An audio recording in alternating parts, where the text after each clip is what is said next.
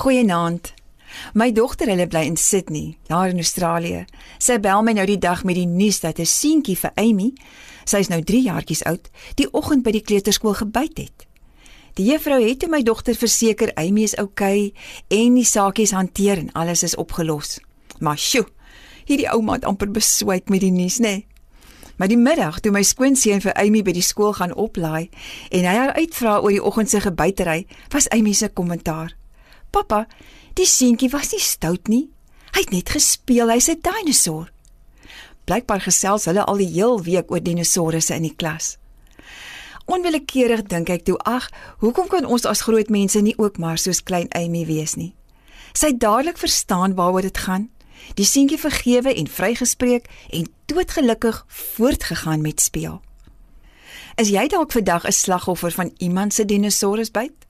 Jy weet, die afjak, daardie toesnou, beledig, die onwaar storie wat versprei word, die verneinige terugantwoord, die spot, die misverstaan, die skel, die gevloek. Of dalk moet ek eers vir jou gevra het, wie is die dinosourusse in jou lewe? Is dit jou man, vrou, kind, jou vriend, jou familie, jou kollega of jou baas? Ek en jy kan vir baie lank hieroor praat. Ons almal het al iewers in ons lewens dinosourus buite ervaar. Jy self was dalk al 'n dinosourus wat iemand anders se byt gegee het. Maar weet jy wat? Op die ou einde is hierdie nie belangrik nie. Ons kan gerus onthou dat 9 uit 10 mense byt jou nie omdat hulle jou haat nie. Hulle byt meestal omdat hulle seer in hulle eie lewe het. Daarom moet ek en jy op 'n plek kom waar ons soos klein Amy verstaan hoekom die dinosourus gebyt het en ons moet vergewe, vryspreek en aangaan met ons lewe. Want dan is ons gelukkig, dan kan ons vry wees.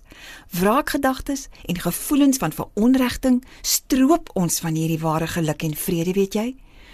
Iemand het eenmaal so 'n waarding gesê: Ons as kinders van die Here moet ons reg om aanstoot te neem prys gee. Give up your right to be offended. Dis dis 'n keuse wat ek en jy maak. Ons kan dit doen. Jesus is ons voorbeeld.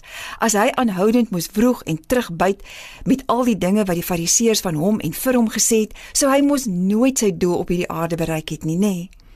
Efesiërs 4:32 staan daar: sien mekaar se foute oor, net soos God julle foute oorgesien het, omdat julle Jesus in is dankie tog daarvoor, nê? Nee.